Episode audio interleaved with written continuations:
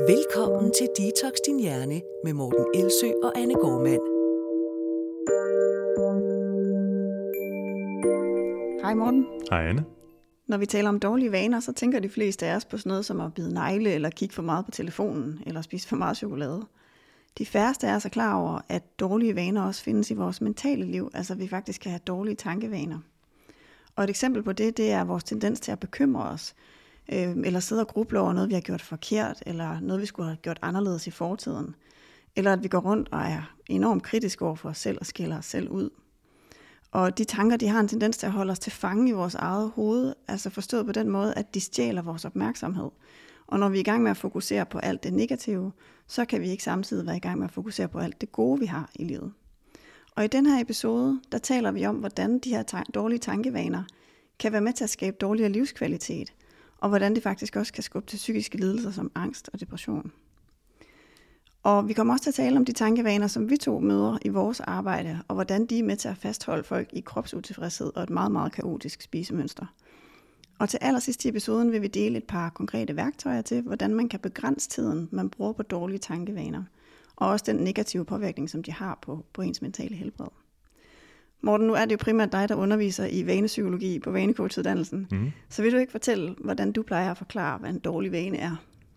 Ja, altså jeg plejer jo til udgangspunkt i først at have forklaret, hvad en vane er. Det har vi selvfølgelig været inde på en, en del gange før, men, men for sådan lige hurtigt at recappe, så er det sådan nogle automatiske reaktioner på den situation, vi står i. Det er noget, som går hurtigt. Det er en måde at reagere på øh, over for vores fysiske miljø, for eksempel fristelser, når det handler om mad, vores øh, sociale miljø, altså de mennesker, der er omkring os, og hvordan de påvirker os, og netop så også vores psykiske miljø, altså vores stemningsleje, eller vores humør, eller hvad man ellers kan kalde det. Og der har vi sådan en tendens til at lave øh, ret hurtigt i vores hjerne, lave sådan nogle automatresponser, når vi har fundet ud af, at der er noget, der virker til at få os øh, enten fjernet fra en situation, eller fra en indre følelse af, af, af ubehag af en eller anden slags. Og det er super smart, at vi har alle de her sådan automatreaktioner. Øhm, det fungerer rigtig godt, at vi hurtigt kan lægge noget over på et automatiseret system, så vi ligesom får frigivet vores kognitive kapacitet til der, hvor vi skal tage stilling til, hvad vi gerne vil. Problemet er bare, at vi meget hurtigt får skabt nogle vaner også, som lige så langsomt øh, faktisk kommer til at skade os, over tid i hvert fald. Og det er sådan nærmest så definitionen på en dårlig vane. Og det er, det er ting, som vi gør nu og her. Typisk fordi de gavner, de giver os et eller andet akut, men som skader os på sigt. Altså ligesom når man tænker, ej, jeg har lige brug for en pause, jeg tager lige min telefon op, og så en time senere, så sidder man helt fuldstændig drænet og havde overhovedet ikke fået nogen rigtig pause. Ja, for eksempel, siger du nu, og det er selvfølgelig nok i virkeligheden min dårligste vane, og, og en af mine, mine vigtigste erkendelser det sidste års tid, øhm, hvad der egentlig skal til. At jeg egentlig har brug for pauser, de tidspunkter, hvor jeg typisk overspringshandler, eller forsøger så lige at stikke lidt af, øhm, og at den tid, jeg når jeg gør det på den måde, når jeg overspringshandler i stedet for at kigge ned min telefon, så får jeg faktisk ikke den pause, jeg har brug for. Men det er en automatreaktion. Og det der er med de automatreaktioner, uanset om de er gode eller dårlige vaner, uanset om de bringer os tættere på eller længere væk fra det liv, vi gerne vil leve, det sidste vil være en dårlig vane, hvis det er mm. noget, der bringer os længere væk fra det liv, vi gerne vil leve, den person, vi gerne vil være. Jamen uanset hvad, så øhm, hver gang vi gør det, så forstærker vi vanen. Det vil altså sige, at vi gør det mere og mere automatiseret. Øhm, vi gør det nemmere og nemmere for os selv at gå fra, nu har jeg det sådan, til nu handler jeg sådan, til nu har jeg den her følelse i kroppen, til nu hiver jeg telefonen øh, op af lommen, eller reagerer på mit humør ved at være på en måde over for andre mennesker, eller gå ud og ryge en cigaret, eller gå hen i slikskabet, eller hvad det ellers kan være. Så, så hvis man tog telefoneksemplet, så ville det være, at man måske gjorde det for at få en pause, og til sidst så er det blevet så automatiseret, at man simpelthen bare gør det hele tiden, og hvis man ikke gør det, så føler man næsten, at man mangler en lemstil. Ja, det er det, der sker, når det bliver så automatiseret, det er, at øhm, ruten inde i hjernen er blevet så øhm, hvad hedder det, trådt, ja, udtrådt, ligesom, ja. kalder man det det. så, så, det, så det sker rigtig nemt, men det betyder også, at når man så ikke gør det, så føles det som om, det mangler, man mangler at gøre det. Så man får faktisk skabt sådan, hvad man kunne kalde en craving, mm. øhm, som jo altså er, er meget bred ting, der ikke kun har noget med stoffer at gøre, heller ikke kun noget med mad at gøre, men altså man får et behov man får et behov for at kigge i telefonen. Så man næsten føler sig afhængig og ikke kan lade være. præcis. Og det har vi jo talt en del om i, i, i den episode, der handler netop om, om, om dårlige vaner. Men, men den vigtige pointe her er, synes jeg i hvert fald, en ting, jeg har tænkt meget over. Det er, at det vi gør ofte, det vi gør generelt, det øver vi os på. Så hver eneste gang vi øhm, forfalder til vores automatreaktion, så betyder det, at næste gang vi er i den samme situation, så er det nemmere at gøre det, men også sværere at lade være med at gøre det. Mm. Og når man har gjort det rigtig mange gange, så er det enormt svært at lade være med at gøre det. Så man kan godt tænke, åh, oh, jeg vil gerne ændre den her vane, men det skal ikke være lige nu. Det venter jeg lige med. Og det bliver jeg nødt til at sige, så nu det lyder sådan lidt dommedagsprofetisk, eller lidt måske negativt. Det er ikke helt uskyldigt. Det er ikke helt uskyldigt at udskyde at ændre sine vaner. For jo længere tid man holder fast i den, jo længere tid man gør det, jo sværere bliver det at komme af med dem. Det er rigtigt. Jeg lavede en, øh, kommer bare til at tænke på, en lille reel. Jeg har ikke lavet så mange af dem endnu på min Instagram-profil, men den her, det var faktisk en af dem, mange skrev øh, tilbage på i forhold til vaner, fordi at jeg havde sagt, at der var sådan et, et vanetomrum øh, i forhold til det. Og det er egentlig det, du beskriver, det er den der følelse af, hvis ikke jeg gør det, så mangler der noget. Hvis ikke jeg gør det, så føler jeg mig restløs og urolig. Og det simpelthen bare kan være et udtryk for, at noget er blevet en vane. Så øh, med det i tankerne, hvis vi så skal omsætte det til dårlige tankevaner, hvordan mm. kan vi så forstå det? Altså kan man decideret blive afhængig af at øh, tænke en bestemt tanke, eller hvad det tænker du? Ja, men jeg, jeg synes egentlig, noget som, som jeg har lært af at øh, læse bøger om øh, ACT, som du har introduceret mig til for nogle år tilbage, altså den her terapiform Acceptance and Commitment Therapy, det er at se på adfærd som en bredere ting. Normalt, jeg har undervist i noget, der er vaner, så taler man om adfærd handlinger. Og handlinger vil vi typisk beskrive som noget, der er synligt for andre. Men handlinger eller adfærd, det er jo bare alt det, mennesker gør. Og tanker er også noget, som mennesker gør. Mm. Det er så noget, der primært hører til op i hjernen. Det er hjernen, der gør det. Øhm, så det er ikke synligt for andre. Det er usynlig adfærd, kunne man også kalde det. Øhm, men derudover adskiller det sig ikke synderligt meget. Og man kan sige, at selvom hjernevæv og muskelvæv er fuldstændig forskelligt, så har de det til fælles, at jo mere man gør det samme i hjernen, ligesom jo mere man gør det samme i muskler, jo mere vil man styrke det bevægemønster, og styrke, hvor god man er til at Ej, gøre det. det er en god sammenligning. Ja det giver mening det der med, at det er, sådan, at det er gentagelsen, der forstærker det, uanset om det er nervevæv eller muskelvæv. Ja, det, det, og ellers er de fuldstændig forskellige. Det er helt med på biologisk. Ja. så det er ikke, fordi de, de ellers er, er analog. Men, øh, men, men der, er, der, er den, øh, der er det til fælles. Ja, og så kan man sige, at øhm, hvor en, en, en hvilken som helst vane har en trigger, og en eller anden form for adfærd, så er der også altid den her belønning, som du har talt om.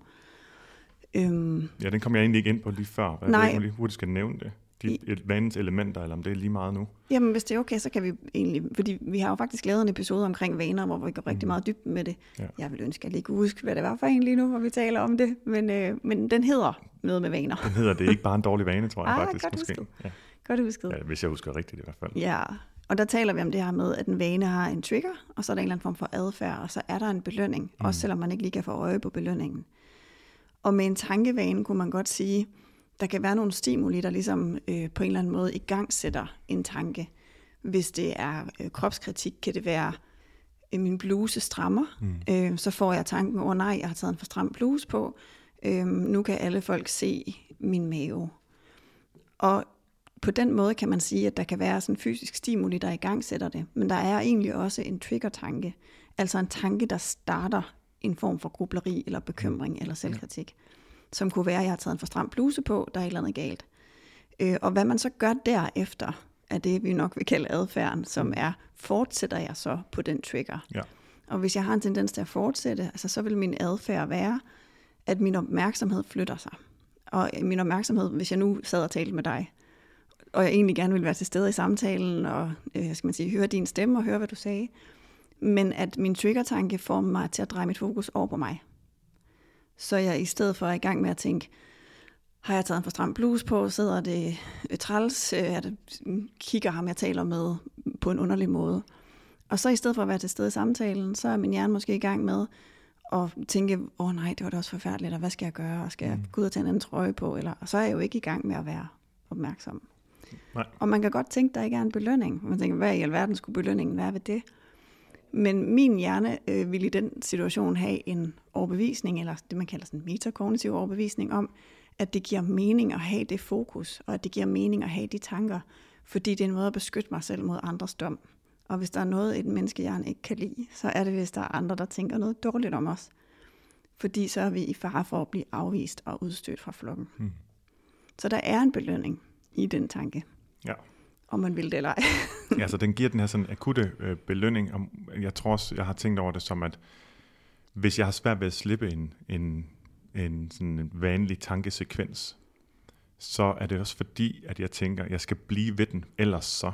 Som yeah. om, at der er et eller andet, der går galt. Som om, at der er et eller andet, der sker, hvis jeg bare lader det her, øh, hvis jeg bare lader det lad det, lad det forsvinde, lad Ja. give slip på det. Fordi jeg tænker, hvis jeg bliver ved det her problem, for eksempel, som jeg tror, jeg at løse op i hovedet, så kan det være, at jeg får det løst. Eller hvis jeg bliver ved med at øh, være opmærksom på, hvordan jeg står, eller hvordan jeg ser ud, eller hvordan jeg bliver opfattet, så kan det være, at, at det korrigerer det over hos den anden, at jeg rent faktisk kommer til at beskytte mig mod en eller anden dom. Eller så, videre. Ja, det er det. så, så selvom det ikke føles i sig selv som en belønning, så er det fordi, at det i hvert fald på en eller anden måde tøjler frygten, og dermed minimerer frygten en smule. Ja, I det den gør situation. det. Det føles som om, man er ved at løse et problem på en eller anden måde. det, det er altid en belønnende oplevelse. Jeg får lyst til også lige at uddybe en lille smule i forhold til det med vaner. Bare lige sådan ganske kort. At tit så taler man om, at der netop er en trigger, eller flere triggers, eller cues. Det er alle de ting, der sker i ens indre eller ydre miljø, som får en til at reagere vanligt. Men så taler man om en adfærd eller en handling, og så en belønning bagefter. Men vaner skal også ses som enten handlinger eller sekvenser af handlinger. Mm. Og når det handler om tankevaner især, synes jeg, det giver rigtig god mening at, at huske, huske på, at sekvenser af handlinger sådan set også hører ind under vaner. Fordi typisk så vil en tanke føre til den næste tanke, mm. føre til den tredje tanke. Øh, især når det er negative tankespiraler og katastrofetænkning osv., så, videre, så er det også en sekvens egentlig mm. af handlinger, hvor handlingen er tanken i sig selv. Ja, det er en god måde at forstå det på. Og vi kender det jo egentlig også fra overspisning, hvor hvis man har spiser noget, man synes er forkert, eller forbudt, eller for meget, jamen så kan man få tanken, det var jeg udulig, og var det også dumt, og nu faldt jeg i igen, og så kan man få en negativ følelse eller ubehagsfølelse af det, måske spise yderligere på det, øh, føle skam, men også begynde at være, få selvkritiske tanker, og så kan man også begynde at få tanker om, jamen jeg kan også kompensere for det ved at spise mindre i morgen, man kan begynde at få planlægningstanker, og alt det er jo virkelig sådan en kompleks sekvens af handlinger, men som alle sammen er reaktioner på det foregående. Mm, ja, og nogle gange, når de så er blevet automatiseret, så er det jo det, at når, når ting bliver automatiseret, så går de også hurtigere. Altså fordi de her stier eller veje er blevet trådt i vores øh, nervesystem, eller i vores hjerne, at det er nogle tanker, vi har haft så mange gange, at, øh, at man når næsten ikke at opdage, at man har alle de her tanker, men det er på, næsten på et millisekund, så er de alle sammen overstået, og så er man i gang med at overspise eller underspise. Ja. Øhm, og det fik mig også til at tænke på, den, da vi to mødte hinanden, havde jeg jo små børn, og havde en periode, hvor jeg bare var presset på alle punkter af livet, tror jeg. sådan, øh, hvor at min, min, hele min krop og mit sind reagerede med en, sådan en stressbelastningsreaktion af en eller anden art. Og jeg kan huske det der med at få en trigger-tanke, eller måske have en følelse af at være træt i hovedet, eller ikke kunne koncentrere mig, som så gav mig en trigger-tanke, som var, øh, ja, åh oh nej, hvad, hvad er det, der er galt, eller hvad har jeg nu gjort for meget? Og så begyndte jeg at analysere enten bagud i tid, hvad har jeg måske gjort for meget af i dag, eller den sidste uge, eller at bekymre mig fremad i tid, bliver min hjerne nogensinde normal igen. Og når man er i den tilstand, så er jo belønningen, at man tænker, jeg er ved at løse et problem. Jeg er ved at regne ud, hvad det er. Og hvis man så, som jeg var i gang med at regne ud og analysere i 5-6 timer om dagen, så er man i sådan en øh, beredskabstilstand det meste af tiden, sådan en arou- high arousal tilstand, hvor man enten føler, at man sådan virkelig er i gang med at arbejde på noget vigtigt, så man er i sådan en høj drive, eller at man er bange, øhm, som jo tænder vores fight and flight respons, altså vores sympatiske nervesystem. Og den tilstand er jo ikke ligefrem fordrende for et godt mentalt helbred. Nej, altså det er jo sådan en tilstand, som, som jeg forstår det, øhm, som er god at være i kortvejt, Ja. når man skal løse et problem akut og skal have tændt for alt i kroppen på en eller anden måde, så man kan ja, egentlig skrue op for det hele, så man er, man er klar til at møde en udfordring. Og så skal det meget gerne gå over umiddelbart efter det. Klart. Og er i det længere tid ad gangen? Alle, der har, kan genkende det og har oplevet det, de ved præcis, hvordan det er. Og det er forfærdeligt. Det, og det er trættende og drænende, at man bliver helt udkørt til sidst er det også, hvis man når dertil, hvis ikke man bliver ved med at holde sig selv i gang på den der Som måde. Og så, forstærker symptomerne, som forstærker bekymringerne, som forstærker grublerierne. Det er virkelig, det, hvad er det, han siger, Mark Manson, the feedback loop from hell. Eller det er James Clear, jeg kan nej, det er, det er Mark Manson. Det er Ja. ja. Feedback loop from hell, det er når man ikke bare bekymrer sig, men så også begynder at bekymre sig om sine bekymringer. Ja, ja, ja. Øhm, Og hvis man har bekymringstendenser, så vil man helt klart begynde at bekymre sig om, at man bekymrer sig for meget. Ja, det er jo egentlig en sjov ting, fordi øh, øh, stress, kronisk stress har måske med rette blevet i talesat som noget, vi skal være opmærksom på, og som vi skal på en eller anden måde øh, gøre noget ved i vores samfund. Men samtidig så er den kommunikation om, at stress er farligt, er enormt stressende. Ja, helt vildt. Lidt, lidt ligesom når man hører, som jeg gør, eller når man hører, at det er enormt vigtigt at sove godt. Hvis man ikke sover godt, så skal man gøre noget ved det. Hvis Ja. man så som jeg generelt sover dårligt, jamen så kan det også blive en ting, hvor man så tænker, åh oh, nej, nu er jeg ikke så godt, så nu sker der alle de her ting ind i min krop, og, eller nu bliver det svært for mig at arbejde, eller hvad det ellers kan være. Ja, Og det vil jo også være en bekymring ovenpå, ja klart. som gør det sværere at falde til ro. Og jeg kan sige af erfaring, det gør det sværere at falde i søvn om aftenen, hvis man også er bange for, at man ikke får nok søvn. Det gør det. Det er simpelthen den vildeste tankespiral. Og grund til, at man kommer ind i den, det er, fordi man har, øh, i metakognitiv terapi kalder man det for en metakognition, altså en, over- den er, som jeg lige nævnte før, en overbevisning om, at en bestemt tankeproces, som man er i gang med, faktisk er gavnlig, eller har en funktion, eller at man ikke kan kontrollere den, øhm, som styrer ens opmærksomhed. Og hvis man nu ligger der og skal sove, og egentlig bare skulle mærke dynen omkring sig, og falde til ro, og sådan ligge og lade tankerne drifte, men man har en, haft en trigger-tanke om, at jeg kan ikke sove, Mm. og som så i gang sætter, hvilke konsekvenser vil det have. Så er man allerede ved at forestille sig alle de forfærdelige konsekvenser, det kan have, som tænder ens sympatiske nervesystem, som gør, at man er klar til kamp. Ja. Og man kan ikke sove, når man er klar til kamp. Nej. Og at det at falde i søvn er heller ikke en aktiv proces. Nej, Det er ikke en, nu skal jeg sove, nu skal jeg sove, nu skal jeg sove. Det kan jeg skrive under det er på. en refleks. At, øh, at, det, at det at sige til sig selv, nu skal jeg falde i søvn, det er vigtigt at falde i søvn, det er en sindssygt effektiv måde at holde sig vågen på. Ja, det er det. Det er det. Øhm, lad os lige opsummere, øh, fordi nu er vi kommet lidt omkring i forhold til, til øh, hvad skal man sige, de her tankeprocesser, som vi er inde på nu. De klassifikationer, vi kan lave, som folk måske kan genkende, det er bekymringer. Mm. Og bekymringer, de går altid øh, fremad i tid. Så det er frygt for, hvad der kan ske. Man kan have noget, man kalder en kognitiv forvrængning, som vi alle sammen har, men i en eller anden grad, som for eksempel er, at man har tendens til spåkoneri. Altså at man tror, at man kan forudsige fremtiden. Så man sådan forestiller sig, åh oh gud, hvis jeg ikke kan lave den her opgave godt nok, så bliver jeg nok fyret, så vil, vil jeg aldrig få arbejde igen, så vil mine venner tænke, at jeg er en taber, så vil jeg aldrig nogensinde, så vil jeg dø alene. Altså man kan sådan ryge ud i både en spåkone forudsigelse, ja. som bliver til en katastrofetanke, som er noget, man ikke kan udholde. Og både per personlig erfaring og øh, sikkert mange andre også, der, øh, der er det sådan, at jo mere man gør det, jo hurtigere går det også. Det ved jeg godt, jeg har nævnt før, men det er bare sådan, Det er når man gør det, så bliver man bedre til det. Det er sådan et godt spørgsmål nogle gange at stille sig selv, tror jeg. Det er sådan, hvad er jeg i gang med at øve mig på lige nu? Ja. jeg, er Okay, du, er, du er altid i gang med at øve dig på et eller andet. ja, er jeg i gang med at øve mig på at forudsige fremtidens katastrofale hændelser? Og øve mig på at være inde i hovedet og være grebet af en fremtid, som ikke eksisterer endnu, og måske aldrig kommer til at eksistere. Eller er jeg ved at øve mig på at frigive, frigøre mig fra mine tanker og være til stede der, hvor jeg er. Ja, jeg kan i hvert fald sige, at jeg har øvet mig rigtig meget på analysetanker mm. i den periode, hvilket gjorde, at, at det første, min hjerne gjorde om morgenen, når jeg vågnede, det var analysetanker. Og det sidste, jeg gjorde, inden jeg lagde hovedet på puden, det var analysetanker. jeg Jeg kunne- kan virkelig genkende afhængigheden af den. Ja. Jeg kunne forestille mig, at det var ikke noget, du bare lige kunne slå fra fra den ene dag til den anden gennem en erkendelse, men du skulle til at træne dig selv i at gøre noget andet i de situationer. Ja, Ja. det krævede uh, hardcore mindfulness uh, og metakognitiv terapi.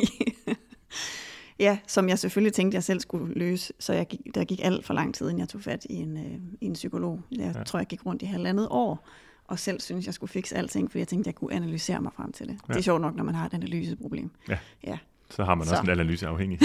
det havde jeg i hvert fald. Og ja, ja. Nå, men bekymringer er så frem i tid, og det kan være sådan langt frem i tid. Det kan også bare være, hvis ikke jeg får sovet, hvordan bliver min dag så i morgen, ikke?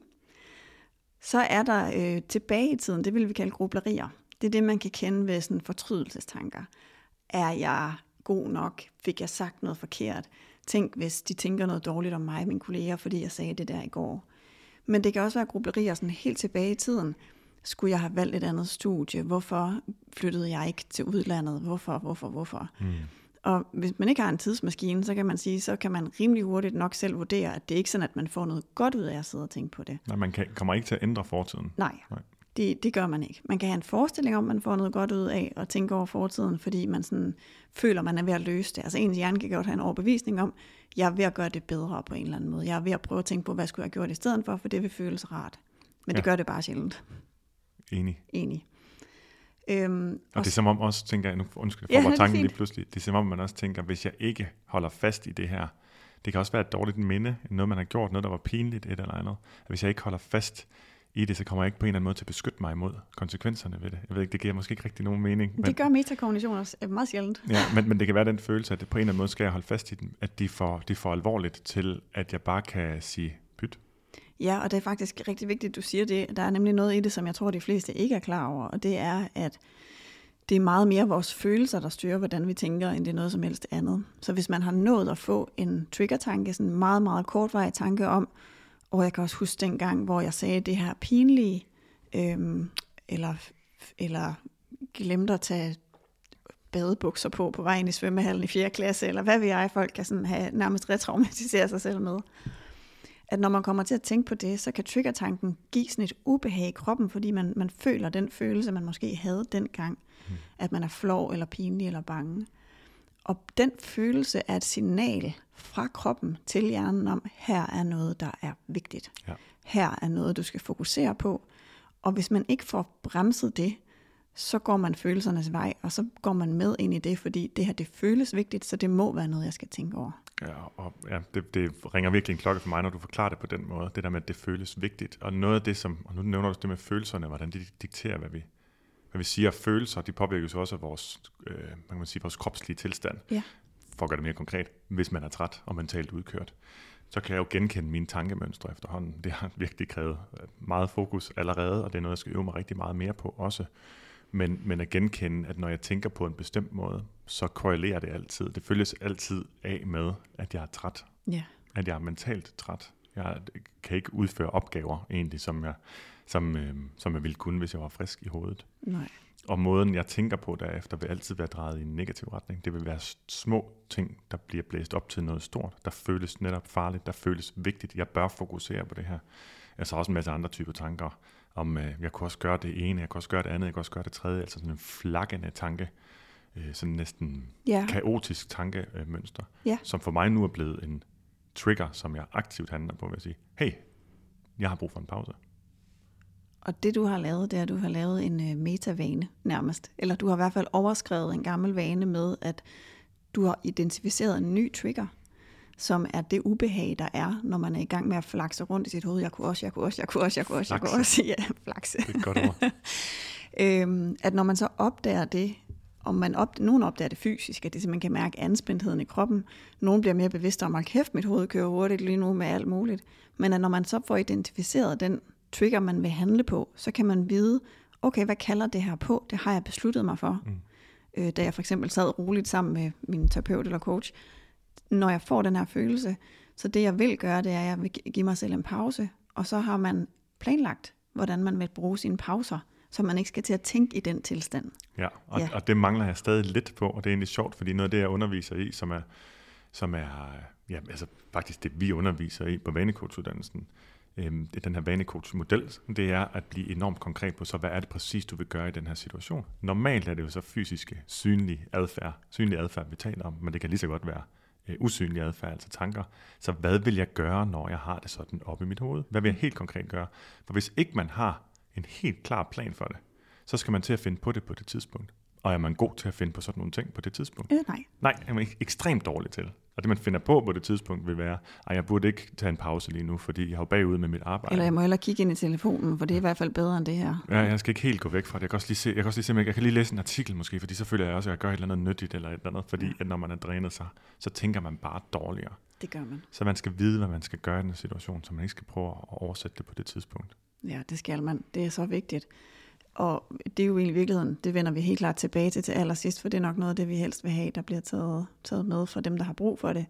Det er det her med at have, have lagt en plan på forhånd. Hvordan vil jeg håndtere, når jeg begynder at se, hold da op, min selvkritiske stemme, den er i gang med at slå mig i hovedet lige nu, eller øhm, åh, nu er jeg godt nok i gang med at forudsige alle mulige skrækscenarier. Hvad er det så, jeg skal? At der skal simpelthen være en plan for det, så man kan hjælpe sig selv til at bygge en vane oven på den dårlige vane, som ligesom overrider, jeg ved ikke, hvad det hedder på dansk, overskriver øhm, den vane. Ja. Og det gælder jo også andre ting. Nu har vi talt om bekymringer, som går fremad, og grublerier, som går bagud. Men det kunne også være sådan nogle indre fiktive diskussioner med andre mennesker. Du griner, fordi ja. det kender du helt sikkert. Det har jeg brugt rigtig mange timer af mit liv på. Ja, hvor man sådan forestiller sig en konflikt, som overhovedet ikke er opstået eller nogensinde er sket. Øh, og så forestiller man sig hele konflikten, og måske genspiller man den faktisk også igen. Ja. Og mens man gør det, så har man det bare super lækkert. Man har det bare super dejligt i sin Ej, krop, når man tror, man skændes med nogen. det, ja, det var, det var en, en tung, tung, tung sarkasme. Ja, det var det. Man har det selvfølgelig ikke særlig rart. Nej, og det er faktisk måske også det, som er en af de øh, rigtig vigtige ting, vi kan trække frem i den her episode, det er, vores sind er ikke vildt godt til at skelne imellem, om der er en reel trussel, eller om det er en forestillet trussel.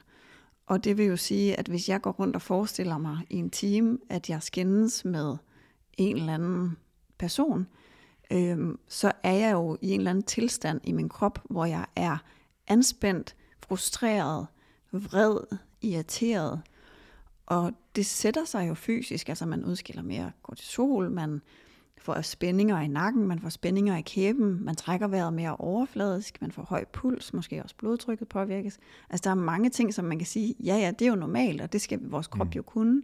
Men hvis man nu har indre diskussioner ni timer om dagen, så er det måske lidt for meget arousal, lidt for højt aktiveringsniveau af ens trusselsystem. Ja, og det var den ekstreme version af det hvis det er okay at ja, okay. ind her, så, så vil jeg sige, jeg har også bare prøvet bare det sådan, mens man mens jeg er bad om morgenen, hvis man så har sådan en diskussion der, og så i øvrigt derudover lige går og tænker over et eller andet, jeg skal skrive senere, og hvordan kan man gøre det, og sådan er jeg i gang op i hovedet.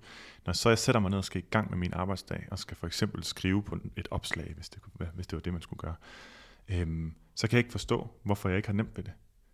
Hvorfor er min hjerne ikke klar? Jeg har jo ikke været på arbejde endnu, men i virkeligheden har jeg de sidste halvanden, to timer måske været på, på arbejde. Jeg har været op og diskutere en, et, et skæbnesvanger diskussion foran 400 mennesker i et eller andet auditorie inde i mit hoved, mens jeg var i bad.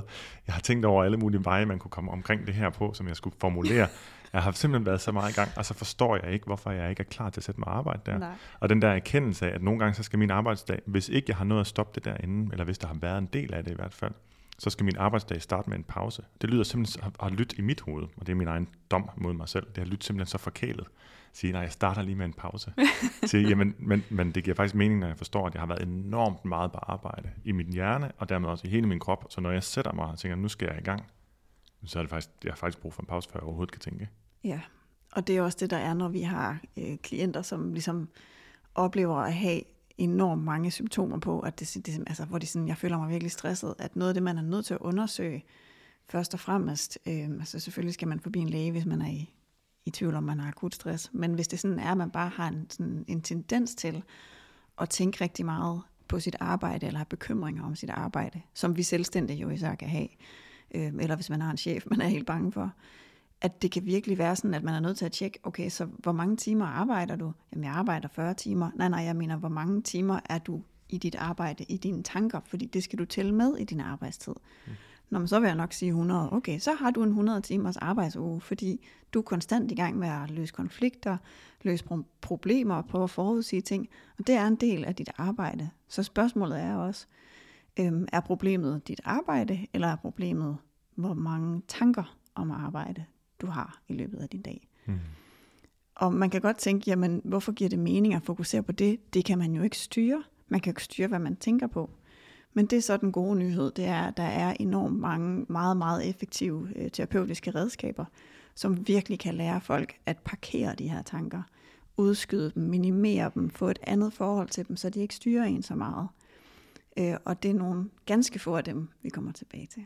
Og jeg kan også, øh, nu er anekdotisk evidens øh, ikke altid så, så godt. Det er i hvert fald noget, jeg harcelerer lidt imod en gang imellem, men jeg bliver nødt til at sige alligevel, at min personlige erfaring, både med klienter, men også helt personlige erfaring, er, at man kan ændre rigtig, rigtig meget.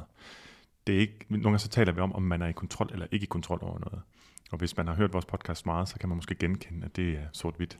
Yeah. Enten har man kontrol, eller også har man ikke kontrol. Altså som i fuld kontrol eller nul kontrol. Og når det handler om vores øh, tanker, og dermed også vores tankevaner, så har man indflydelse på den. Man har indflydelse på typen af tanker, og allermest mængden øh, af den type tanker. Og det kan man gøre noget ved. Men jo mere man har tendens til det, og jo mere man også har øvet sig i grublerier og bekymringer og selvkritik, jo mere aktiv øh, arbejde kræver det at få gjort noget andet. Du nævnte det der med, at man skal override eller overskrive sin eksisterende vane, og sådan gælder det faktisk med alle vaner.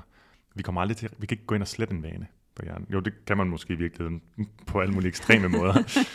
Og det kan være, nej, det var bare, jeg kom, til, jeg kom straks til at tænke på undtagelser, fordi det lød som en meget specielt, absolut statement. Men yeah. generelt, kan man sige det sådan, så kan man ikke, så slet, kan man ikke slette en vane, man kan bare fjerne en dårlig vane.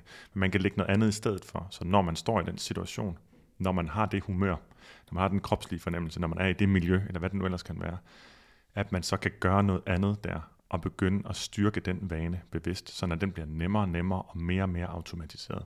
Ja, og hvis vi nu tager udgangspunkt i et eksempel, som du nævnte før, altså for eksempel søvnvaner, øh, Jeg tror, der er rigtig mange, der kender det, så, så det tror jeg er oplagt at tale om. Altså det her med, at man vågner, og så har man kigget på uret 50 gange om natten og tænkt, jeg får ingen søvn, jeg har ikke sovet. Man prøver at ligge til sammen. Jeg har nok sovet tre timer sammenlagt, og så vågner man op, og man er træt og udkørt, og i øvrigt øh, har man det her fokus. Ikke? Det, det kan være sådan, så kan man have nogle følelser i kroppen, der kan være trigger til grublerier, eller ja, faktisk både til grublerier og bekymringer. Yep. Øhm, og så kan man ligesom have den her proces, der fører videre. Og jeg, kender det jo ikke så meget, så jeg vil egentlig hellere spørge dig, altså hvad for nogle tanker er det ligesom, der så dukker op, når man sidder i den tilstand? Hvad begynder ens hjerne så at køre rundt i? Altså jeg kan tale om det først sådan generelt, fordi jeg, jeg har bevæget mig videre til nogle mere komplicerede tanker, der også holder mig vågen. fordi øh, be- bekymringstanker er der selvfølgelig en masse forskellige af. Bekymringstanker om, nu får jeg ikke noget ud af dagen i morgen, og så kan jeg heller ikke, øh, er særligt insidious, hvad hedder det, sådan lidt onde, øh, Ja, skadelige, øhm, fordi de for det første fastholder, at man ikke kan falde i søvn, fordi nu ligger man og, og har, øh, altså er i dårligt humør, og egentlig frustreret, tror jeg, over, mm. At, øh, at, at det får de her konsekvenser. Øhm, og så er der også det, studier, der viser, at når vi tror, vi har sovet rigtig dårligt, så påvirker det os mere negativt, end når vi tror, vi har sovet godt, selvom vi har sovet dårligt. ah. Gør det mening? ja det gjorde det, ja det gjorde det. Man har lavet sådan nogle forsøg med placebo-søvn, Ja. man kan se, hvis du fortæller folk, der har sovet dårligt, om de vi kan se på den her måling, at du faktisk har sovet rigtig godt, så du må have drømt, at du sov dårligt. Så, nå, så fungerer dine glimrende på kognitiv test. Nu er det mig, der parafraserer i, rø- i høj grad. Ikke? Ja, ja, men det, det er alligevel skægt. Så, så det er en, af- men en ting, som, som jeg har fanget mig selv i her på det sidste, jeg har, jeg har sådan nogle perioder, hvor, det, hvor jeg har nogle næsten søvnløse nætter, øhm, det er, at jeg bliver så, jeg keder mig så forbandet meget, når jeg har ligget vågen længe. Og så ligger jeg og forestiller mig, at skulle fortælle om det dagen efter, hvor dårligt jeg har sovet. og, og det kan jo også være en fast, så fastholder jeg også mig selv i den her indre diskussion om det. Og så kan jeg jo så sige, hov, nu er jeg så i gang med, nu er jeg gået i gang med den der igen. Så det er sådan en ting, jeg så skal fange mig selv i at sige, hov, nu er jeg i gang med at forestille mig, at jeg forklarer til Anne, når vi har vores morgenmøde. Altså den At- gode Anne. Nej, faktisk, det, Nå, nej, jeg har ikke morgenmøde med min kone. Nå, det, nå, det har du ikke. En af anderne. En af anderne, ja. At jeg skal forklare, jamen jeg har også sovet, og så faldt jeg først i søvn på det tidspunkt, og så vågnede jeg allerede der, som du øvrigt har hørt mig fortælle mm. om nogle gange. Ja. Det har jeg jo ligget forberedt i løbet af natten, som jo er en måde at holde fastholde det på. Det jeg har blevet god til, det er at give slip på det, når jeg vågner om morgenen, og så er frustreret, og nu kommer det også til at blive sådan en, åh, oh, det ved jeg ikke noget om. Jeg har masser af erfaringer med, at jeg kan ligge vågen hele natten, og så gå ud og undervise i syv timer alligevel, og det går godt. Ja. Så nu lader jeg det ligge, og så øh, giver vi slip på det. Og hvis vi så lige tager fat i, hvis, hvis det stadig er for abstrakt, det her med, at man kan have de her metakognitioner, eller de her idéer om, hvorfor noget giver mening. Øhm, en, af der, en af de helt klassiske er, jamen hvis jeg tænker over det, så er jeg jo i gang med at forberede mig på, hvor hårdt det bliver. Så giver jeg ligesom mig selv, okay, nu er jeg i hvert fald forberedt på det. Det kan gælde søvn, men det kan jo også gælde, hvis man er bange for, en, en præsentation ikke går godt, eller en helbredsundersøgelse. Altså man kan bruge enormt lang tid på at tænke, okay, jeg skal i hvert fald være forberedt på det svar, jeg får, eller den reaktion, jeg får. Så derfor så spiller jeg lige igennem, det går helt vildt dårligt, eller testen var helt vildt dårlig. Mm. Og det scenarie holder jo så ens krop i det her sådan anspændthedsfængsel af, at man ikke kan fokusere på andre ting. Og, øhm, og der, der er det også, man kan øve sig på, eller man kan lære nogle redskaber, som træner en i at bemærke, hov, nu er jeg i gang med at forestille mig, hvordan en præsentation om en uge går. Vil jeg bruge en hel uge på at være i den her tilstand, når det alligevel ikke er nu, jeg står der? Ja. Nej, det vil jeg ikke. Hvor lang tid vil jeg så gerne bruge på det? Jeg vil gerne tænke på det, når jeg sidder og forbereder mig. Hvornår gør jeg det? Altså så man simpelthen får planlagt, hvor skal jeg placere de her tanker? Så jeg har en plan for dem. Og når de så kommer, eller dukker op, helt uanmeldt eller uønsket, så har jeg mulighed for at sige, men det er ikke lige nu, det er i morgen tidlig klokken 9. Og det har været mit simpleste og vigtigste hack i forhold til nervøsitet. Jeg har jo holdt enormt mange foredrag, eller ikke enormt, jeg har holdt mange foredrag, og jeg har undervist meget, stået foran folk, og, og jeg bliver stadig nervøs. Men øh, nu bliver jeg nervøs øh, fem sekunder inden, fordi jeg lige så langsomt har barberet tid af, simpelthen ved at fange mig selv så mange gange i at være nervøs for noget, og så, og så sige, åh, oh, nu er jeg i gang med at være nervøs for det, men det er jo ikke lige nu. Nej. Okay, og så forsvinder det igen, så dukker det op igen, men det er jo ikke lige nu.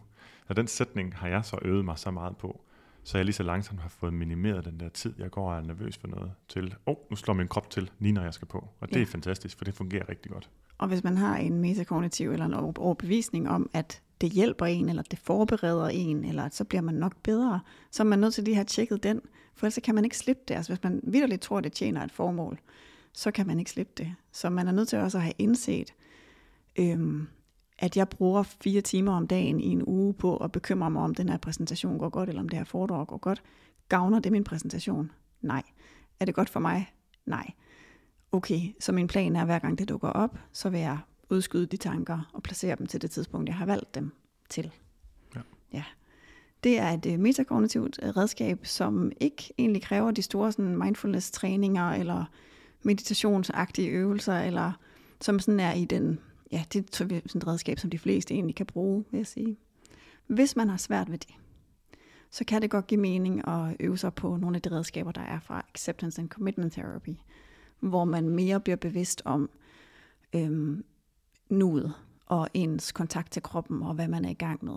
Så, så det er bare for at sige, hvis du synes, at det her greb er helt vildt svært, så findes der faktisk også en terapiform, der tager hånd om det og hjælper dig med at træne den her evne. Det gør metakognitiv terapi også, men altså der er, der, det er bare for at sige, at det er ikke noget, man behøver at gå rundt med alene. Det er noget, man faktisk kan få hjælp til. Ja, og, og en ting er, hvilke terapiveje man ligesom vælger at få hjælp til. En anden ting er den sådan bare grundlæggende erkendelse af, tror jeg, det har vi også talt om inden, altså den grundlæggende erkendelse af, at det at gå rundt og bekymre sig, det kan godt være, man har igen en forestilling om, at man forbereder sig på et eller andet. Der kan være sådan en idé om sådan noget defensiv pessimisme, tror jeg, et begreb det ja, hedder. At jeg beskytter jeg mig mod øh, fremtidens ulykker ved at gå og forudse dem alle sammen. Og det kan godt være, at det kommer til at være rigtigt en gang ud af tusind, men resten af, resten af de bekymringer, man har, er egentlig bare nogen, der stjæler øh, liv fra en, for at bruge sådan lidt et stort term. Ikke? Jamen stjæler. jo. Ja. ja. Det er der, hvor man kunne slappe af. Det er der, hvor man kunne lade op, så man var klar til, når man skulle præstere, for eksempel mm. også på arbejdet. Det er der, man kunne være nærværende sammen med andre. Det er der, man kunne sanse og opleve, opdage, øh, undre, gøre alle mulige ting, som er, som er nye og giver måske energi på den ene eller den anden måde. Men hvis man i alle de pauser, man skulle have i løbet af dagen, der er man bare i gang med at forberede sig og bekymre sig om en fremtid, der formentlig aldrig kommer. Altså fremtiden kommer, men ikke det scenarie, man forestiller sig. Jamen så spilder man både sit liv på det, men man spilder også rigtig meget af den energi, man skulle bruge på de andre ting. Ja, og der, der ved jeg, at mange kan genkende det, jeg har prøvet det også selv øh, ofte, at man så netop kan blive frustreret, når så man skal det, man synes er vigtigt, men så har man ikke energi til det. Så har man ikke energi til at være sammen med sine børn. Man har ikke energi til at være øh, produktiv på sit arbejde, fordi al den tid, man skulle bruge på at lade op, den har man brugt på at bekymre sig. Det er sandt. Og det øh, minder mig faktisk om et andet eksempel, øh, som jeg på en måde lidt håber, man kan se som et redskab, eller som en måde at, at takle sin, sin indre kritiker på. Og det er øh, den type af tanker, som vi kalder selvkritik. Altså den her, sådan, hvor man drejer lygten over på sig selv og fokuserer på, hvad der, hvad der er galt med mig. Og når vi arbejder med klienter, så er der jo rigtig mange af dem, der er meget utilfredse med, hvordan de ser ud, eller rigtig kede af deres sådan, størrelse. Og øh, jeg har fået lov at bruge et eksempel fra en af mine klienter, som øh, havde, jeg havde en session med her i sidste uge, og hvor hun, vi sætter os ned på de stole, der er på mit kontor, og så når jeg lige at registrere, at øh, hun ser selvbevidst ud. Det, det er et blik, man kan lære at kende rigtig godt, når man har at gøre med klienter, der er meget selvbevidste. Så hun kigger lige ned øh, på sin lår, og, og jeg ser sådan et flygtigt blik af et eller andet ubehag. Så, øh, så siger jeg til hende sådan, øh, lidt inde i sessionen, så siger jeg sådan, jeg bemærker, at din opmærksomhed forsvinder en lille smule en gang imellem. Øh, det vil, har du lyst til at dele, hvad der fylder i dit hoved? Og så siger hun, ja, det var det her med, da jeg satte mig på stolen, så bredte min lår sådan ud, og så synes jeg bare, at de så rigtig store ud. Så selvom, når vi sidder her og taler, så vender min hjerne hele tiden tilbage til, ej, min lår, altså hvordan er det, der det ser ud? Eller, og, og, og når man så gør det, så er man jo ikke i gang med at lære noget nyt, eller være nærværende, eller være engageret i samtalen. Så jeg sagde til hende, hvor er det godt, du opdagede det. Altså virkelig, hvor er det godt, at du kan se det, at det er det, der sker. Det næste skridt, det er, at når det sker igen næste gang her i sessionen, vil du så ikke bare lige sige det til mig, fordi så kan vi belønne, at du kommer tilbage til, til vores samtale, altså at dit sind ikke blev fanget. Så det kan godt være, at der kommer en trigger-tanke, nå, nu tænkte jeg lige på min lår. Men det, at du kan fange det, og kan vende din opmærksomhed tilbage til samtalen, det er det, vi skal træne. Ja, for det er jo faktisk første skridt for til overhovedet at kunne gøre noget, det er at kunne fange sig selv ja. i det. Altså at fange sig selv, så er det jo virkelig det, der gælder for alle vaneændringer. Det er i og med, det er en ubevidst adfærd, som du først sådan mærker konsekvenserne af, når det er for sent næsten at gøre noget. Så er det første skridt til at gå ind i en vane, det er at blive bevidst om den. Altså blive bevidst om det ubevidste. Finde ud af, at nu gjorde jeg det her. Og når du siger netop det med, så træner hun at vende opmærksomheden, altså faktisk fange den her tanke. Og det at sige det højt, altså man kan virkelig bruge det der selv.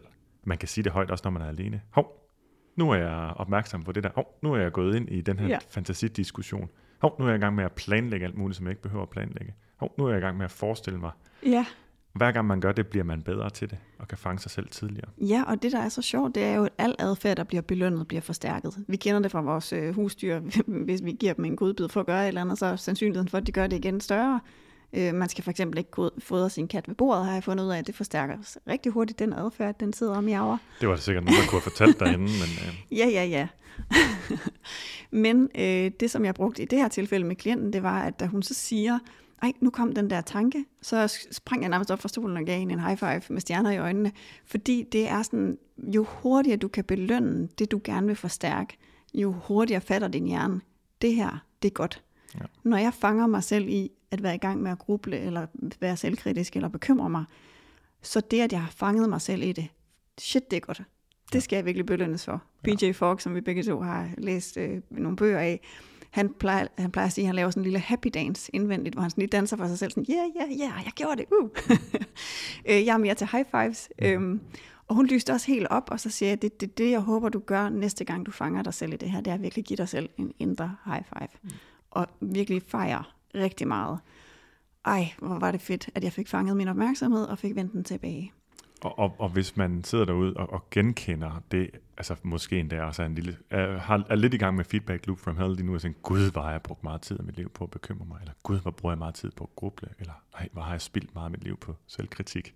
Hvis man nu er i den situation, så kan man for det første lige bemærke, hov, nu er man i gang med at gruble. Ja, det, det, gruble de er så snedige, de der grublerier. Ja, det er det nemlig.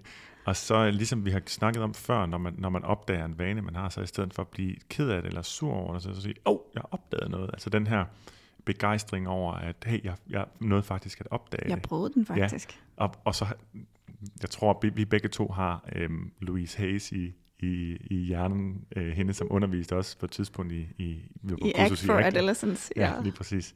Som bare havde sådan en god måde, sådan en, en umiddelbarhed, sådan, åh, oh, der fangede jeg lige det her. Ikke sådan en, ej, nu gjorde jeg det igen tanke, som, som er så vigtig, fordi øh, så får man den her netop belønning. Åh, oh, nu fangede jeg det her. Og det jeg jo egentlig ville hen til nu, undskyld, det gik lige ud af nogle tangenter. Ingen ja, problem, det er en anden det. men det er der nok ikke så meget at gøre ved. øhm, det er, at øh, ja, så tabte jeg selvfølgelig tråden. Ja, Ja, men altså, pyt på det. Det, det er jo også... Altså, jo, det er, jo, det er bare... Kom den tilbage igen nu? Nej, nu forsvandt den igen. Nej. Alright, ja, ja, men det kan jo ske. Altså, og det er jo faktisk også noget af det, der er i sådan nogle terapisessioner. Det er, at ens hjerne blander sig. Det gør den jo også, når vi laver podcasts. Ja. Altså, jeg har jo flere gange i løbet af den her podcast haft tanker om, åh, nu lyder min stemme træls, eller åh, nu gjorde jeg et eller andet, eller var det her dumt, eller Øhm, og det er jo også bare triggertanker, som vil lokke mit sind til at gå i bekymringsgrubløs selvkritik-mode, hvor jeg har trænet så mange gange at vende min opmærksomhed tilbage. Jeg gør det fysisk. Jeg er nødt til at kigge enten på dig, kigge dig i øjnene, eller sådan kigge på omgivelserne, lytte til din stemme, eller sådan leve mig ind i den, der lytter med, som er mit sådan anker til at få fat i, hvor er det, jeg vil have mit fokus, hvor er det, jeg vil have min opmærksomhed den klient, som jeg så talte med her, når vi laver øh, vanecoaching kombineret med terapi, så skal det udmønne i et eller andet, man kan gå ud og øve sig på, fordi ellers bliver det bare ved tankerne. Så får man en masse indsigter, men man får ikke gjort noget anderledes. Så jeg spurgte hende, hvordan vil du bruge det her? Altså, hvad for en situation, du kommer ud i lige om lidt, kunne du godt tænke dig at prøve at øve dig i det her? Og så skulle hun faktisk til et arrangement med en gammel klasse, hvor hun sagde, der vil jeg normalt bare sidde og tænke, jeg er helt udenfor, jeg passer slet ikke ind, hvad tænker de andre ikke om, hvordan jeg ser ud? Nu glæder jeg mig. Nu glæder jeg mig til at opdage, at jeg er i gang med det, og så vende det til nysgerrighed. Hov, nu er jeg i gang med at være selvkritisk. Hvad vil jeg være i stedet for? Nå ja, jeg vil være nysgerrig. Hvem er det, jeg har lyst til at tale med? Hvad er det, jeg har lyst til at tale med dem om? Leve mig ind i dem, kigge på deres øjenfarve, høre deres stemme, lev mig ind i fortællingen. Øhm, og det er jo så en træning i at styre sit fokus. Ja. Og hvad man bruger sin tankekraft på, eller tankeenergi på. Og det var faktisk netop det, der stjal mit fokus. Grund til, at jeg tabte tråden før. Det var ikke, fordi jeg tabte tråden. Det var, fordi jeg kom til at tænke på, Gud, taler jeg nu for meget? Eller har jeg nu sagt et andet? Så det var mine egne metatanker, som, ja. som, som, som tog over. For det, jeg egentlig netop ville sige, var bare, at Øhm, belønningen er jo, kan jo egentlig hurtigt blive stor, når man bliver bevidst om, hvor meget tid man, hvor, hvor meget tid man egentlig har brugt på grublerier og bekymringer, når man så faktisk mærker, at man er i stand til at stoppe dem. Det i sig selv, at der skal ikke meget forstærkelse til, at man bliver bevidst om, hvor fedt det er. Det er rigtigt. Hvor stor en mestringsoplevelse, som jeg plejer at bruge som begreb, det lyder måske sådan lidt teknisk, men altså det er jo en mest, at man mestrer noget lige pludselig, som man troede, man ikke var i kontrol over. Ja. Så lige at få den forstærket en enkelt gang med den der high five, så man bliver bevidst om det, det kunne jeg sagtens forestille mig for mange mennesker. Derfra er det faktisk meget naturligt at se på det som en kæmpe succes. Ja. Gud, jeg fik bremset mig selv midt i den her tankespiral. Gud, jeg fik bare klippet, det har jeg brugt som udtryk for dig, øh, over for dig, når jeg selv har Ja. haft sådan nogle tanker, og siger, hey, det er en kæmpe succesoplevelse, når jeg mærker, at jeg næsten kan forestille mig, at jeg klipper sådan et, øh, et bånd over, som kører Der kommer sådan en tanke, et tankebånd, Ja, som og du så, kunne... og så at bakke slip, og så dukker den op og tænker, skal du ikke lige holde lidt mere fast i det, for det kunne jo være, nej tak, klip en gang til. og hver eneste gang, jeg gør det, er det en succes. Og hver eneste gang, jeg har en succesoplevelse, bliver det nemmere at gøre næste gang. Ja, og det er virkelig vigtigt. Og så, så kunne jeg egentlig mega godt tænke mig, at vi lige også trækker det over i det her omkring forstyrret spisning, fordi øhm, det er jo også noget af det, vi arbejder rigtig meget med. Dem, der tager overspisningsmodulet fra, fra vanekortuddannelsen, de har jo ligesom øh, fokus på det her med, hvad er det, der fastholder forstyrret spisning. Og der er de her negative tankespiraler eller tankeloops bare enormt styrende. Du nævnte det lidt i starten, men jeg synes alligevel, at vi lige skal prøve at gennemgå en, som er, øhm, lad os sige, at man har haft en spiseforstyrrelse, eller at man bare er meget bevidst om det her med, at man er blevet mæt. Og så sidder man til en eller anden form for sammenkomst og mærker et mæthedssignal. Nogle mærker måske overmæthed, øh, og nogle så er det bare helt almindelig mæthed, der kan i gang sætte nogle triggertanker, som er, nu spiste jeg for meget. Mm. Hvis man så øh, har trænet sig selv i at opdage, hov, nu fik jeg tanken, jeg spiste for meget, vil jeg lade mit fokus blive der og gå med ud af tankespiralen, så, øh, så har man faktisk mulighed for, altså, eller man kan lære at afbryde den, så man ikke hopper med på triggertanken, men i stedet for har besluttet, når jeg opdager den triggertanke eller følelse, så vil jeg øh, kigge over på den, jeg sidder ved siden af, og tænke på et eller andet, jeg helt vil gerne vil spørge dem om, eller fortælle dem om. Eller noget andet. Så vil jeg gå ud og hjælpe med at tømme opvasker, eller hvad vil jeg. Så vil jeg gøre noget andet, som enten distraherer mig, eller flytter mit fokus til noget. Øhm, og hvis man kan lære det, så kan man slippe for den tankespiral, som du fortalte om, som hedder, åh oh, nej, hvad må de andre ikke tænke, eller jeg kan aldrig styre mig, det bliver aldrig bedre. Og hvis ikke det bliver bedre, så er der jo ikke nogensinde nogen, der kommer til at elske mig, og, og så ender jeg sikkert med at altså, blive gammel og dø ensom. Og man kan godt måske som lytter tænke, det lyder lidt voldsomt bare for at være med, men det er det bare ikke. Ej, Eller det, går, det- det går hurtigt derud til. Det går rigtig hurtigt derud til for rigtig mange, øh, og det er det, man kalder en øh, kognitiv forvrængning eller tankefælde. Det er, at på et splitsekund bliver noget til en livskatastrofe. Ja. Øh, og den følelse er så ubehagelig, at man får lyst til at få den dulmet, og der er ikke noget så godt til at dulme øh, følelser som øh, stoffer, Alkohol. alkohol, eller mad. øhm, eller at man sulter sig selv og kompenserer, for eksempel kaster op. Ja. Så prisen for, at man er i det, er jo, at man isolerer sig fra andre, eller man har den her kompenserende adfærd. Så tankespiralens pris er ret høj. Så hvis man kan få brudt dem, så er det altså virkelig en kæmpe gave i det her arbejde. Ja, og det er jo den erkendelse, og jeg ved ikke, om, om, vi kan sige den langsommere eller bedre, eller et eller andet, fordi det er sådan min, min største forhåbning er på en eller anden måde, at, at vi får formidlet erkendelsen af, at de tankespiraler, ligesom andre tankevaner, hvor man bliver, hvor man bliver hijacked til at spille sit liv op i, med, op i hovedet på en ikke konstruktiv måde. Ja. Altså erkendelsen af, at det, det, det er simpelthen noget, man får så meget ud af, at give slip på og blive fri for, eller i hvert fald få minimeret. Ja, helt klart. Det er det virkelig. Altså, fordi hvis man nu øh, forestiller sig tilbage i tid, og der var man sådan, den måde, man brugte sin tankeenergi, det var på at dagdrømme, eller tænke på praktiske ting, der skulle ordnes, planlægge spændende ting, være kreativ. Øh, og så man forbyttet meget af den tid, man brugte ud på det, da man var yngre, med ting, der kan gå galt, eller ting, man synes, man har gjort forkert.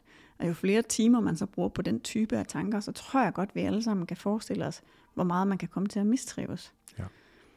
Øhm, og når, når folk er ledige eller sygemeldte, så har man jo rigtig, rigtig meget tid til at gå og tænke over det her, for man er ikke i gang med at være kreativ eller snakke med kolleger eller sådan noget.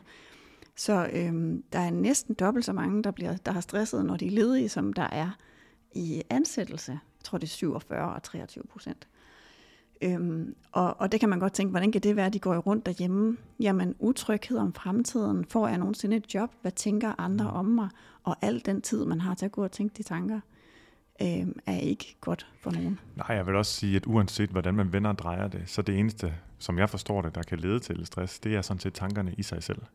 Så, så, så det er ikke for at fratage øh, ansvaret fra, øh, fra de forfærdelige chefer, der er derude, der kræver enormt meget, alt for meget af deres medarbejdere, laver et enormt dårligt øh, arbejdsmiljø og, psykisk arbejdsmiljø. Men det skal, det skal ind forbi hjernen og blive til nogle tanker, som er så drænende og så ubehagelige, og sætter en i fight or flight og arousal, og hvad man ellers skal bruge begreber, Ja. for at det udmønter sig som, som stress. Det skal Øhm, det. Ja. Det skal det. Det er, det er den der Og, sådan, og det kan man også klare uden en, en dårlig chef, og uden at have mange arbejdstimer, så længe man bare har tid til at gruble og bekymre sig. Ja, og man kan sige, at man har måske også noget, man kan godt tænke, at jeg har da også noget at bekymre mig om. Hvis jeg ikke får et job, så er det da forfærdeligt. Ja, men kommer man til at bruge det meste af sin dag på at tænke over det, så er man i uh, trusselsmodus uh, uh, i, i, i rigtig meget tid af sin dag. Hmm. Og det er jo ikke nødvendigvis noget, man hverken får et job af, eller får det bedre af. Nej, det er helt sikkert ikke noget, man får, får det bedre af, og formentlig ikke noget, man får et job af. Nej, det er det. Øhm, og, og jeg er næsten sådan tilbageholdende for at sige det her, fordi jeg ved, at hvis man har bekymringstendenser, så vil man bekymre sig om at få de her symptomer. Men det er bare for at sige, at når man sådan, ens hjerne bilder os ind, at det er vigtigt, at jeg får tænkt det her analyse igennem, hvorfor jeg er blevet syg, eller det er vigtigt, at jeg bekymrer mig om fremtiden, så skal man også bare lige huske, at hvis man fastholder sig selv i konstant fokus på bekymringer, så er det svært at sove. Ens øh, nervesystem bliver lidt overaktivt, man kan have svært ved at løse problemer, man kan have svært ved at koncentrere sig, man kan også få hukommelsesproblemer. Så det kan godt sætte sig fysisk. Den gode nyhed er, når du stopper med at gruble, så heler det sig selv.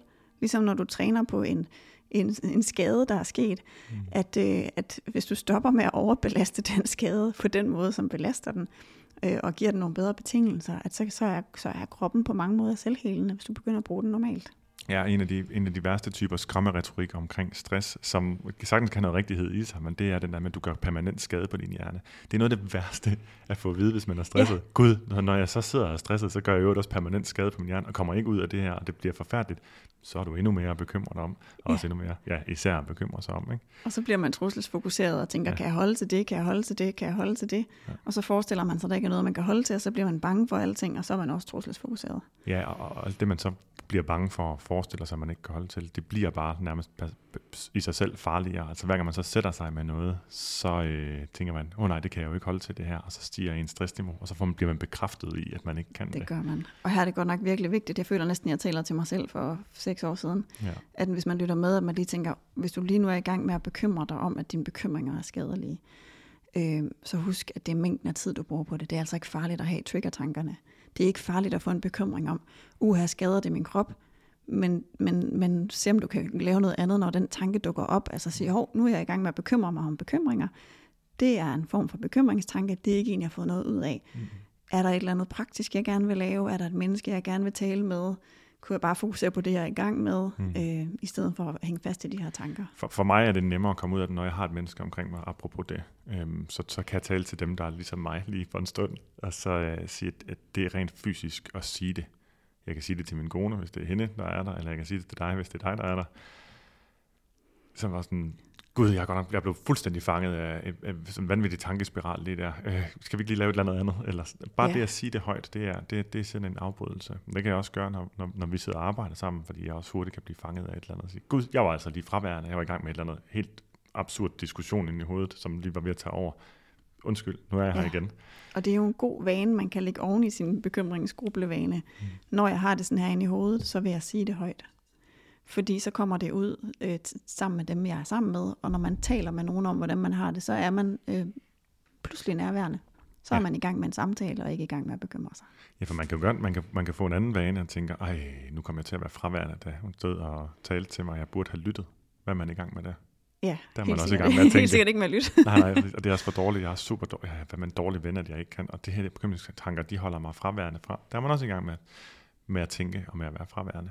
Så det at få, altså det at komme ud, det er det, der er målet. Det er at komme ud af hovedet i den situation. Spørgsmålet er, hvad, hvad man så bruger af greb for at komme ud derfra. Ja, og her til, vi lige så stille ved at runde af, men øh, man kunne lige sådan måske opsummere det her omkring de øh, negative effekter af de dårlige tankevaner, men mest af alt det her med, hvad kan man gøre næste gang, man fanger sig selv i det. Så en lille opsummering fra starten er, at det der er med vores negative eller vores dårlige tankevaner, det er, at de sådan set ikke er et problem, hvis de er der i en mindre mængde, ligesom med alt muligt andet. Så er dosering rigtig vigtigt for, om noget er skadeligt eller ej. Mm-hmm.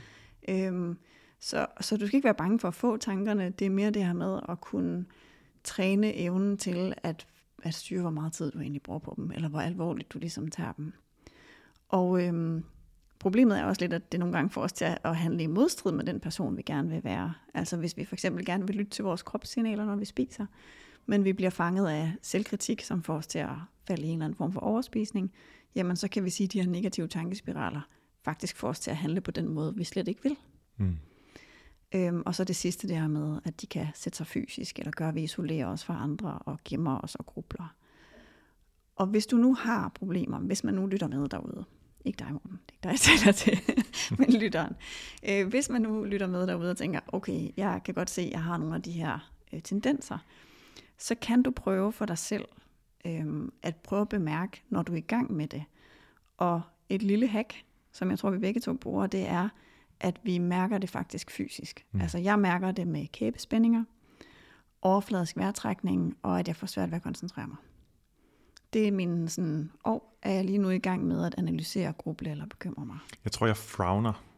Ja. Egentlig. Jeg tror, jeg, kan, jeg tror mit ansigt spænder sådan. Jeg, ja. ser, nu kan man ikke se det på hvad, vores podcast, men sådan lige... Du samler lige øjenbrynene Samler lige øjenbrynene ja. der, sådan, det står sådan, som om jeg er engageret i et eller andet vigtigt. Jeg har også nogle gange prøvet at have nogle situationer og tanker i mit hoved, scenarier i mit hoved, hvor jeg bemærker, at jeg faktisk har knyttet næver lige pludselig. Ja, lige præcis. Øhm, ja. Det er virkelig også et kendetegn, jeg både selv kan kende og har hørt klienter sige, jeg spænder i mine hænder, jeg øh, rynker brynene, øh, jeg vender mit blik nedad eller indad, og trækker vejret overfladisk ja, og får det. spændinger ved brystet. Øh, hjertebanken. Hjertebanken, ja. Øhm, følelsen af angst og ængstelighed kan selvfølgelig også være, og kan komme som pres for brystet, spænding op i ja, nakken og halsen. Og i stedet for at man så tænker, gud, der er noget galt, jeg må hellere tænke videre over, hvad det er, der er galt, mm. så kan man i stedet for putte en bane ovenpå, som er, hov, jeg bemærker, at jeg er i gang med at tænke over noget, som sætter den her proces i gang i min krop. Hov, jeg var i gang med en indre diskussion med min chef, som har plantet sig i min vejrtrækning og min kæbe. Ej, hvor skægt. Og så mm. se på det lidt udefra, sådan observerende. Gud, hvor vildt. Ja, Tænk engang, min krop reagerer sådan, når han ikke engang står foran mig. Netop, der er man i gang med at være... Det er jo en interessant observation, og når man synes noget er interessant, så er man engageret på en helt anden måde, end, end hvor man er fordybet i, i bekymringerne selv, ja. eller i frygttanker eller frygtfølelser. Nysgerrighed er bare ja. den bedste modgift mod øh, alt muligt pres og stress og ja. bekymringer og selvkritik. Så hvis man så bliver nysgerrig på, hvad det er, der foregår, så har man allerede skabt en distance, så man ikke sidder så meget fast i den der tankespiral. Og øh, så er der jo også det her med, at man lige kan bemærke, øh, måske ikke i situationen, men inden, hvad er mine argumenter for at fortsætte? Altså hvis jeg har en overbevisning om, at det giver mening, at jeg skal forberede mig på alle mulige fremtidsscenarier. Jeg finder aldrig en kæreste, jeg får aldrig børn, jeg øh, finder aldrig et arbejde, jeg er glad for. Altså at man ligesom tjekker sin, sin grund til, at man tænker, at det giver mening at tænke så meget på. Mm. Om den reelt holder stik, eller om det er en øh, metakognition, som man egentlig lige skal have lidt fat i og sige, mm. hov, bliver jeg en bedre partner? Ja potentiel partner, jeg går og forestiller mig aldrig at få en partner. Og, og en metakognition betyder egentlig bare en tanke om, om en tanke, men man kan også bare beskrive det her som en overbevisning. Ja, som man egentlig er overbevist om, indtil man udfordrer den. Og siger, er det egentlig noget, der rent faktisk hjælper mig til det, jeg gerne vil? Kontra, hvad er egentlig konsekvenserne af, at jeg bruger så meget tid på det her? Nemlig.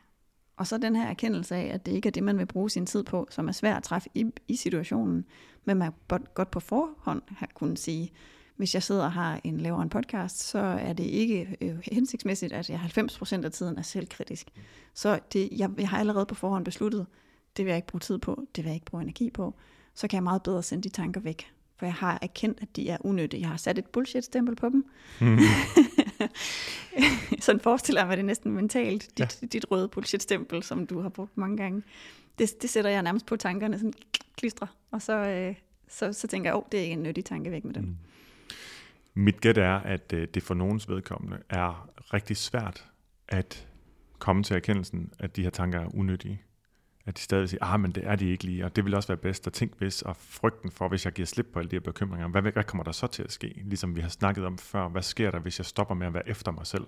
så går det da først rigtig galt med mine spisevaner, eller hvad sker der, hvis jeg ikke sviner mig selv til over, hvordan jeg ser ud, så kommer jeg da først rigtig til at tage på, som vi jo har talt om før, øh, typisk overhovedet ikke holder. Øh, det gælder helt øh, den anden vej rundt. Men hvis man nu har det på den måde, så fik jeg lige den tanke, som jeg også den, øh, delte med dig i går, om, øh, om det kunne give mening, om ikke andet, så prøve at lave det som et eksperiment. Se, hvis du kan omsætte det sidste, den her lille opskrift, som du kom med her til sidst, med først at bemærke det, og øhm, bemærke, hvad det er for nogle overbevisninger, man har, og så også bestemme sig for, hvad man vil gøre i stedet for på det tidspunkt. Og hvis man er i stand til at omsætte det, og ved, hvor man skal gøre noget anderledes, man siger, okay, det kan godt være, der stadig er en del af mig, der tænker, ah, det er nok, det er nok ikke øh, godt for mig, hvis jeg giver helt slip på de her ting, for det er nok noget, der beskytter mig på den ene eller den anden måde. Så prøv det bare den næste uges tid. Sige, okay, den næste uge, der vil jeg prøve i den og den og den og den situation, når jeg bemærker, at nu er jeg i gang med at bekymre mig, så vil jeg gøre det og sige, hov, nu er jeg ved at bekymre mig. Hvad vil jeg egentlig i stedet for? Og lagt en plan for det. Hvad kunne jeg gøre der, som jeg kan engagere mig i, som ikke er oppe i mit hoved? Og så siger jeg, gør det bare en uge, og til gengæld efter den uge, så vil jeg prøve at kigge tilbage. Hvordan havde jeg det? Hvad skete der med min adfærd ellers? Hvordan var jeg? Var jeg mere eller mindre som den person, jeg gerne vil være? Gjorde jeg mere eller mindre af det, som jeg egentlig øh, generelt sætter mig for? Øhm, fordi som jeg har lært af dig, så øh, virker erfaringer bare meget mere overbevisende end teori.